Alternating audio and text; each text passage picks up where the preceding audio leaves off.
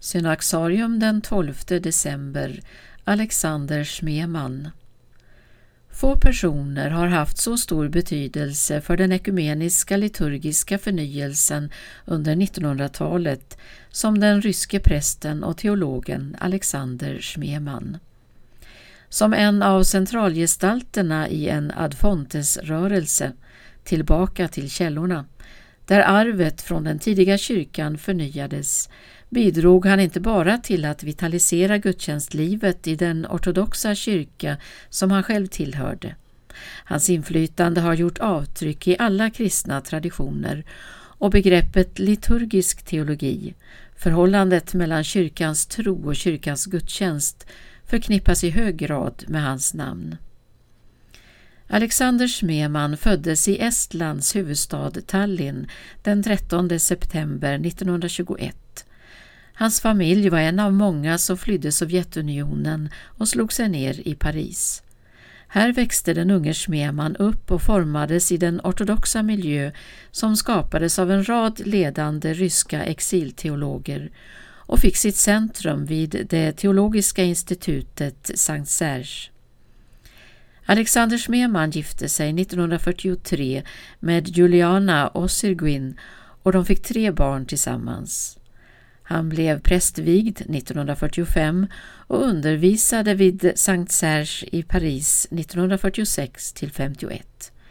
Därefter flyttade han med sin familj till New York för att undervisa vid det ansedda ortodoxa seminariet Sankt Vladimirs som då leddes av Georg Florovsky, en av 1900-talets ledande ortodoxa teologer. Alexander Smeman blev kvar vid Sankt Vladimirs under återstoden av sitt liv, där han så småningom blev dekanus. Hans huvudområde kom att bli liturgisk teologi och teologihistoria.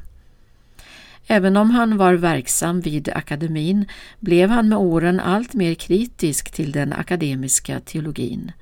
Det var liturgin som var hans stora glädje. Den eh, är det klassrum där trons hemlighet öppnar sig, menade han.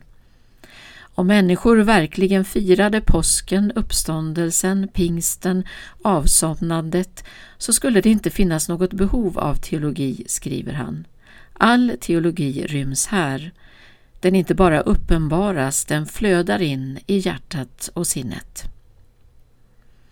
Schmemann kom att spela en allt viktigare roll i den ekumeniska rörelsen.